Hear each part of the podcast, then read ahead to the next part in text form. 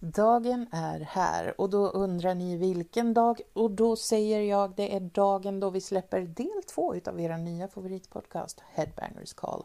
Jag heter Pauline Posar, jag skriver i vanliga fall på The Malloy Crockblog men nu har jag även detta forumet att pladdra på. I dagens avsnitt har vi en alldeles speciell gäst som säkert många av er känner till.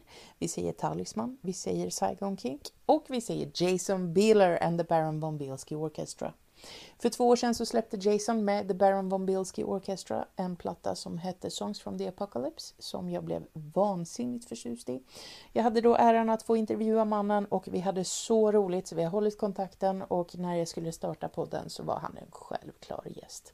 So without further ado I present Mr Jason Beeler. Peace out. This is Headbangers Call. It's a tribute to the old MTV show Headbangers Ball. Yes. And I know for a fact that you know what Headbangers Ball is because you've been on it. I was actually on Headbangers Ball. Yeah. And uh, I would consider myself a loose acquaintance of uh, Riki Rachtman's. That's that's a pretty cool acquaintance to have. Yes. Yes. But I the whole thing, you know, music videos. Uh, they say that it was born with MTV, and I think that that's a bit of a lie because we could see music videos before when they taped from concerts and stuff like that. But the birth of the real music video came with MTV, right? Yeah, I mean, I don't. I just remember like it, it. There was this channel coming on that was all music as a kid, and maybe somebody in the neighborhood had it or something like that. And I and I remember like we could go and watch, you know, whatever was happening. And and and you know, I remember video killed the radio star, that video. And I remember for some reason I remember some live Van Halen stuff they were showing. Uh and uh, you know, a few of those early videos, but it was the coolest thing. You know, to, at that time it just seemed like, you know, a music channel that you could watch was awesome. Yeah, because back then we didn't have internet. So I mean, MTV was the only way to find music that you've never heard before. And then they stayed with music as a dominant force in there. And so this very day, nothing MTV does is it's all music oriented. And uh Yeah, right.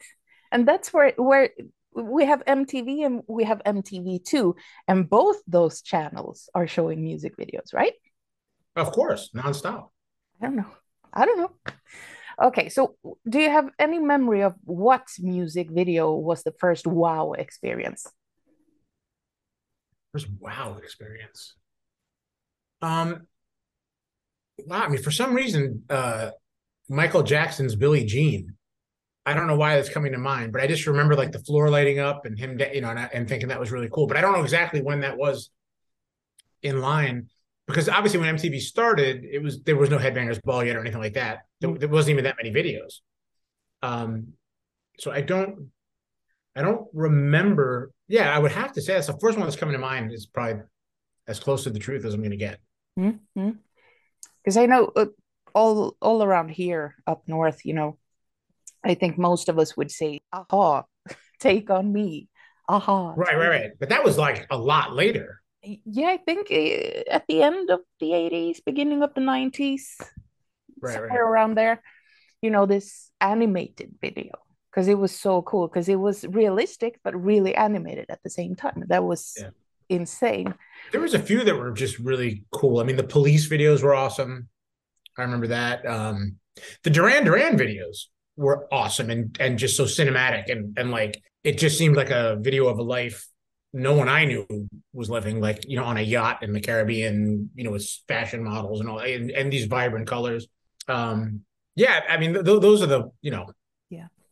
the things that come to mind. Yeah. But I, I, I have two very special music videos that I've been watching today just because I knew I was going to talk to you. The first one is the Stud Muffin video, Talisman, If You Need Somebody. Yes. I mean, what what was it like to see that on MTV? It was amazing. I mean, I had literally like, I mean, they they hired me out of nowhere. Like I, so I, I had no idea what I, like Marcel and Jeff um, who seemed like old men to me at the time, were probably only 23 or 24. I was literally 20 or 21. Uh, so it was all just this magical. That's why Sweden always holds this magical place for me because it was the first place I ever worked professionally as a musician, first place I ever toured, um, first videos I ever was involved with. So like everything to me was just like you know, as a kid in a candy store, I had no you know TV shows, all of it was just you know insane. But uh, I appreciate you appreciating how uh, how much of a sexual icon I became for the entire country of Sweden. You know it. That's why we love Talisman. That's the thing.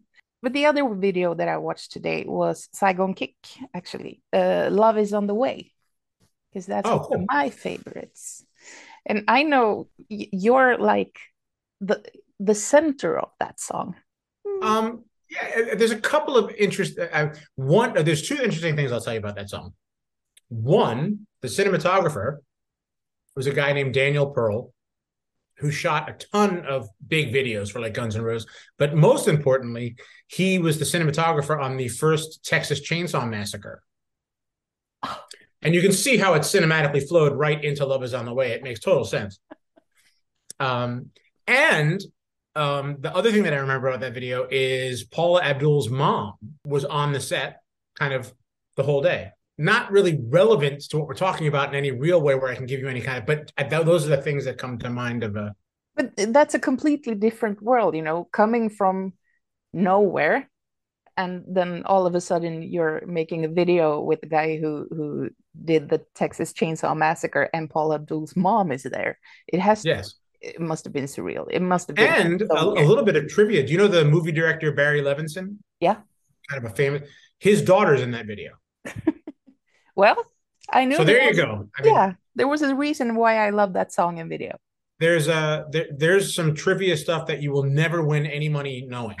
Yeah, it, it won't show up on Jeopardy, I think. No, that's not going to show up anywhere relevant or helpful, unfortunately. No, probably not. Now it's just burdening your mental RAM. It's just in the way of other thoughts now. I know. Uh, on the last record, uh, with the Jason Bieler and the Baron von Bielski Orchestra, right? Mm-hmm. It's a long name, you know. Yeah. You did a couple of videos for a few of those songs, and most of them were lyric videos, but there were a couple that stood out a lot Apology and Be- Beyond Hope. Beyond Hope. Let's talk about Beyond Hope. Sure. What is that? huh. You know, I don't really question what I do and it's almost like I, I, I don't I don't it's not in any way like this this conjuring thing, but I tend to just write and and create something, and I think I'm as shocked as anybody else when it comes out. I'm like, the hell's that about? Or yeah, I mean, I don't I don't necessarily always know what I'm doing, uh, or have a purpose, a, a, a directed purpose. I find like I'm most creative when I don't let my my actual being get in the way of the voices in the back of my head who want to write songs. So sometimes I feel like I'm a passenger uh, or a guest in the room as much as anything else. Uh, but it, it, to me, it just conveys more of an energy and a and a feeling and a and a and, and a you know this this kind of percussive tribal vibe. Yeah, my wife was just saying the other day, like she's really worried. She started started paying attention to the lyrics, and she's like, "What the hell's wrong with you?" Like I'm gonna wind up being murdered or something like that, and and and they're gonna go back and look at all these lyrics. And I was like, I think I've always just had an affinity for uh, dark, dark lyrical content married with melodies that mm-hmm. people don't, because when people aren't paying attention, they're like, oh, that's a beautiful song. Yeah. And then they start to like, what? Oh my God, that's horrible. Uh, and I, that's that's my goal. Yeah. But, you know, I love Human Head. And that lyric is I mean, I I can I get why your wife reacts like she does because having a human head on a shelf watching over you and no one else, that's a bit insane. One could say there's a problem, but uh, I, I think I have a healthy outlet for this. So, you know, had I not been a musician, it probably would have been more alarming to have those thoughts and have nowhere to put them.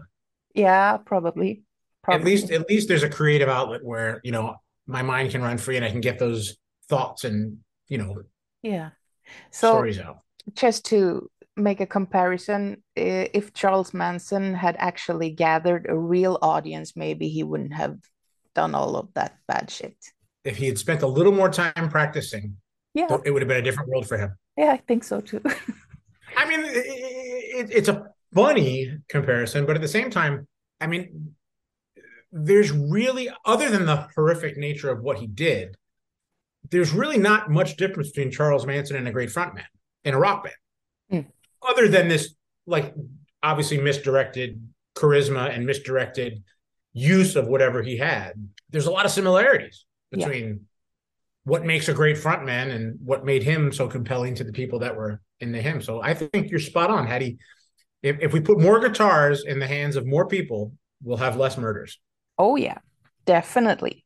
Because we have this problem in Sweden. Uh, uh, we've had a lot of shootings, a lot of youngsters turning criminal. You know, we don't have anything like that in the U.S. I, I know. I wish I lived there instead. You know, it, we're such a peaceful culture here but I, have seen a, a di- direct consequence because in the 90s we had a lot of youth centers where you could play in bands you could do sports and it didn't cost anything but then they just closed them up because it was too expensive and now they right. start killing each other instead i mean that's less expensive yeah i mean right? i mean just i can only speak for myself but i know that had i not had music and had a way to express myself and had an instrument that i could start to have thoughts with um who knows you know where that that energy goes with no outlet.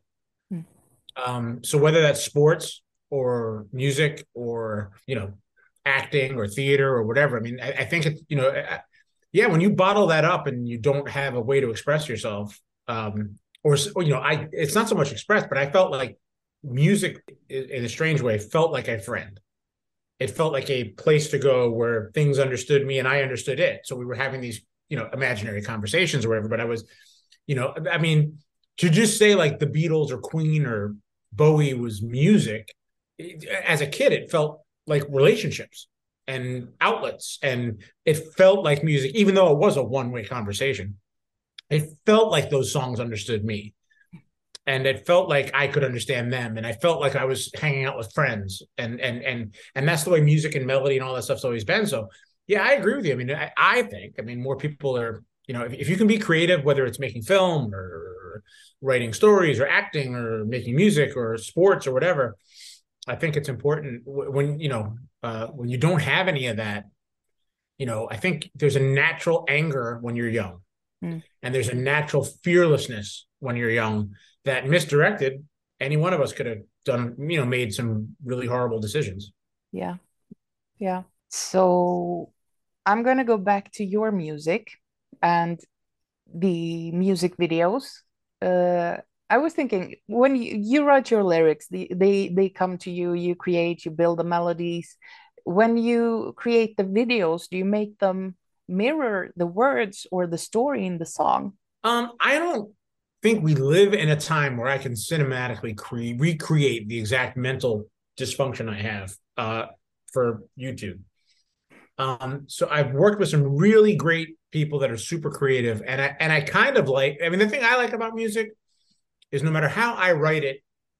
I mean, I, I, maybe Human Head's not the best example, but some people will think that's a love song and get married to it. And that's the beautiful thing about music is like you know I don't want to know what Paul McCartney wrote "Let It Be" about really because if I find out it was a toaster that was malfunctioning or something like that, you know, I'm going to be dist- like the beauty of music is everybody can kind of pull their own things from it. And that's why I think it's like, you know, I don't really write that way, but, and I do respect, I mean, I love and have such admiration for even like a, a Bruce Springsteen who can just write a story about going to the garage and finding a screwdriver and then finding a screw to put the screwdriver in and turning it and then the car goes on and it's this whole linear like one thought very clear god damn it i don't want to work yay america whatever it is it's like you know it's just these really clear concise uh stories.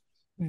um i don't think that way. I mean my, my brain's just scattered like all the time. Like i'm always thinking on three or four different levels and you know I, I i think for me the more i write the the more i've learned to just not get in the way, if that makes sense. Just kind of let things happen. And and with videos, I feel like there's some really talented people. The guy who did Beyond Hope is just a genius. Tim Fox uh, in the UK, and he did a lot of videos for me in the past with a band called Sikth.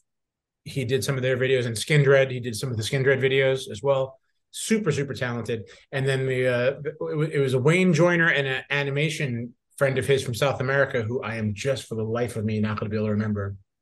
But um, they did Apology, and I thought they did such a cool kind of thing because the guy I use for all the art stuff that I do um, now has really been the first time where I feel like he's adding a dimension to what I do. Like like he's a he's a part of the process. Yeah. Like he's creating visuals that do feel like they're part of the music. Um, and uh, so it's been a really cool thing, and I'm kind of allowing them because because of trust, obviously over time, like to to really kind of have a vision about the way things could be gone in for video or for for art. Yeah, because uh, in Human Head and Sick Riff, they were lyric videos, but they were still animated. And I, I was thinking about that because a lot of heavy metal, hard rock, metal bands uh, do a lot of lyric videos today, and I, I get the sense that it, it's because people want to relate to the lyrics. Yeah, I I mean, to be honest, I mean, well, well, Human Head, I was really lucky because a, a, artist named Vincent Marcone, who does a brilliant site called My Pet Skeleton, and I just was such a fan of what he's done. If you haven't seen it, you got it. He's just genius artist, and he was he lent me his character, and then he kind of animated it enough to like make a video with it.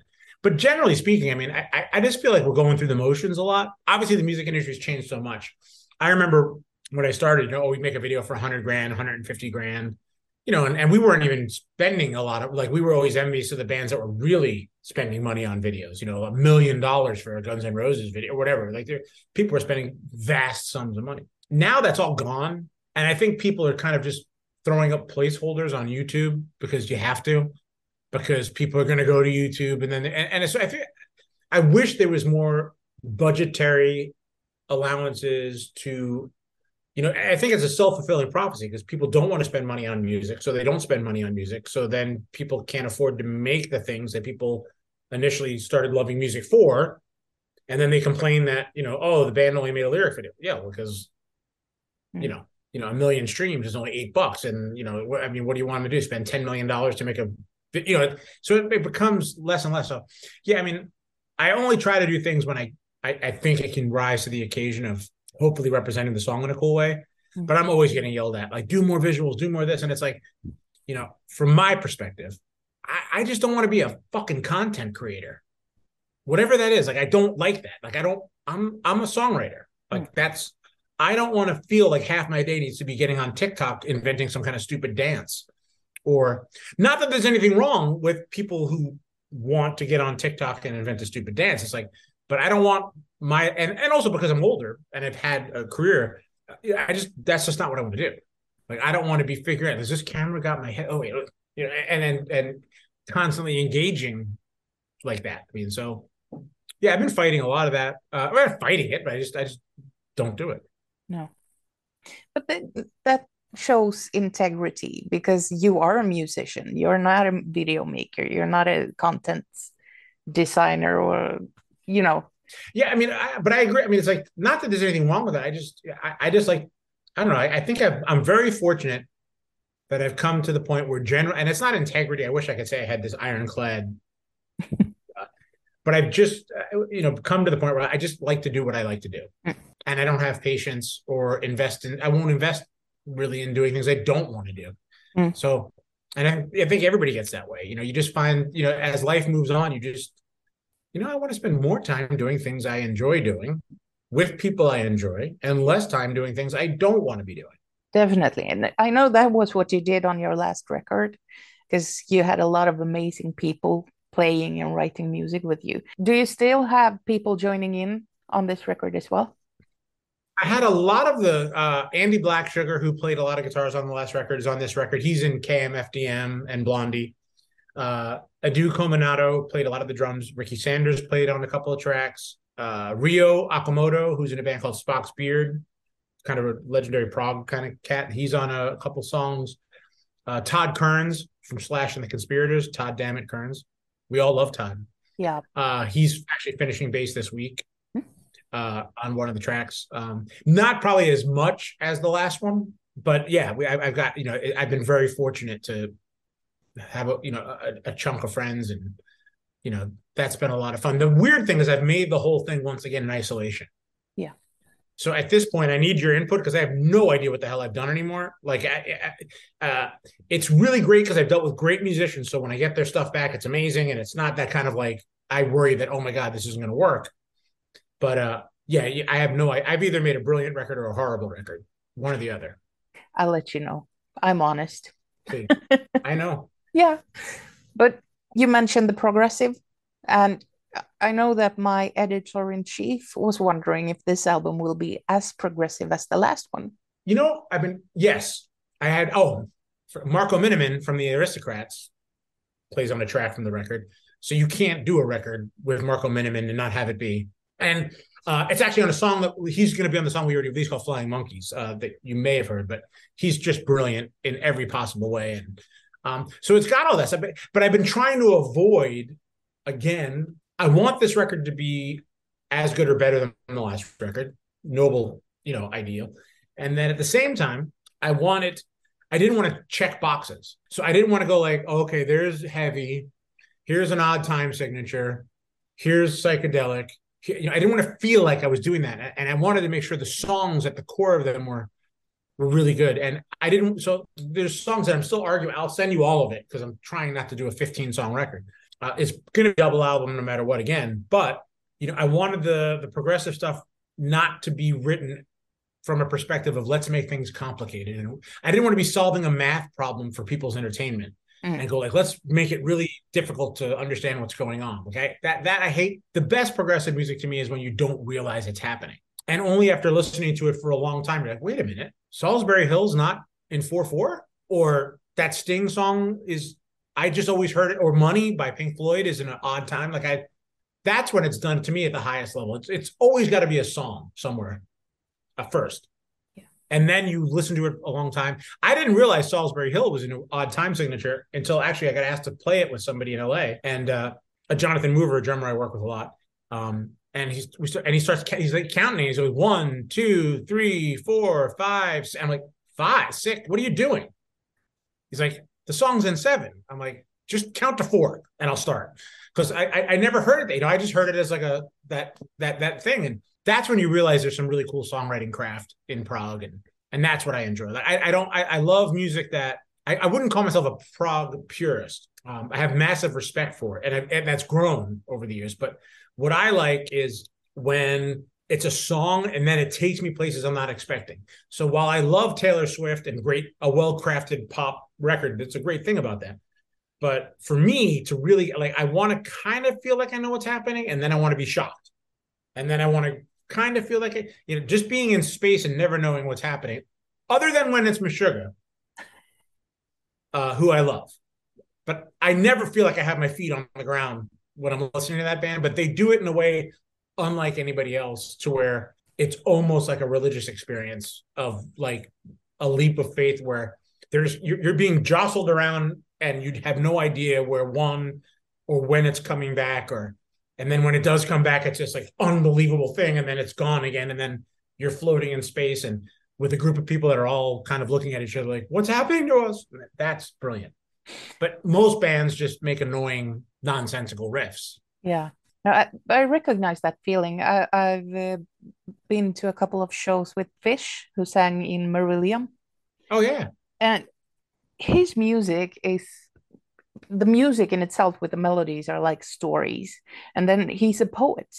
So all of his lyrics are from a poet's kind of view. And i've seen people stand and just you can tell when when they realize that this is actually poetry and they're like in awe because it, it's framed in this beauty, beautiful music and all of this beautiful melody and it's poetry and that's pretty cool. There's there's some lyricists like I mean Andy Partridge from XTC is one of my all time favorite lyricists, and you know uh, uh, Elvis Costello does a brilliant job of it, and Tom Waits does a brilliant job of it. Where you know like I'm in awe of that. Like you know, just the perfect word at the perfect time in a perfect way, and he's expressing something that we've all said a thousand times, but he does it in a way where it's the first time you've ever heard it. Yeah.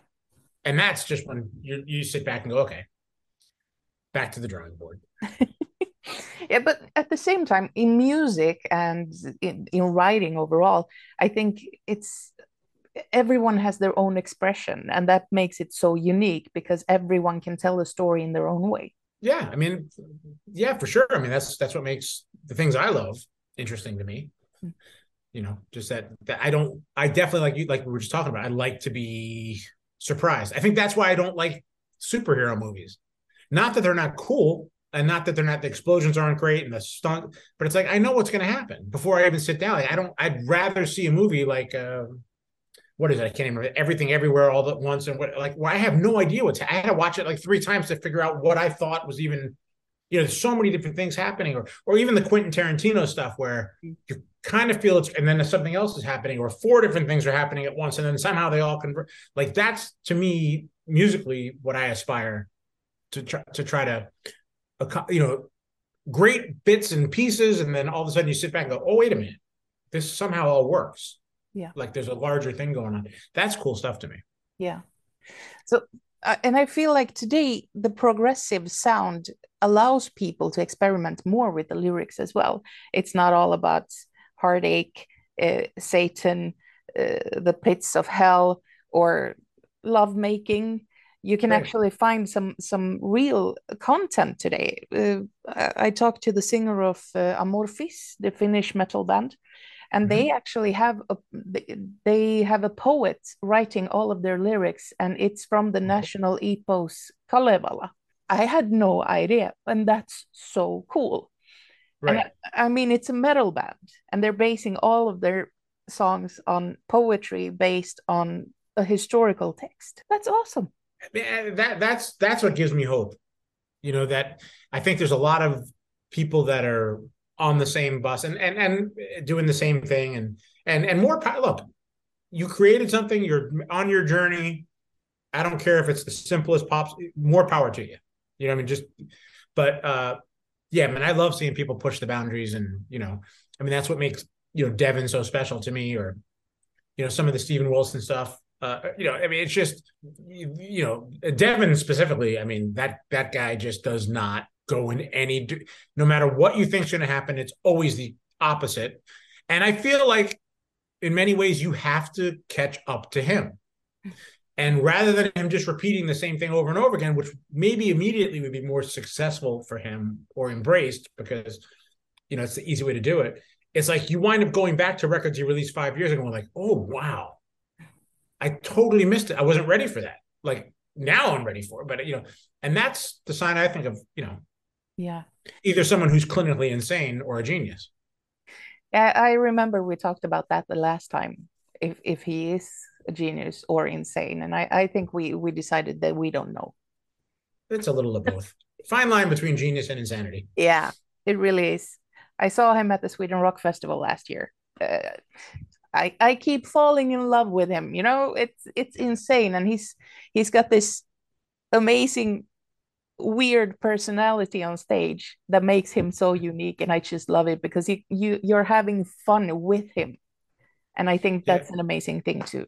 But i saw you live last year too but not on in, in not in the audience because he did a live stream with jeff scott soto. Oh oh yeah yeah. We did a couple little shows yeah. Yeah those those were a lot of fun i i can imagine because we were sitting in my living room and you and Jeff Scott Soto were playing in my living room and it was awesome. oh, good, good. I'm glad you liked it. Yeah, I mean, those have been so special. I mean, that that is a, literally like getting together with a friend that I've known forever, uh, drinking probably more than we should, uh, and uh, and just like it, it feels so organic to me. Like there's literally times when I literally look over and I'm like, oh my god, we're on stage. People have shown up. Like we should be paying attention to what because it's just this wonderful hangout goof around have songs play bits and pieces of things and talk to people and um yeah it's just been amazing you know uh so much fun. We're doing a bunch i'm going to la at the end of the month and then we have nashville and a bunch of shows. We just you know that's something i've never had more fun live yeah. Yeah and I, I i can imagine that the audience were so thankful as well because we've been starving for live music and those shows seem to be so intimate. You were really facing the audience.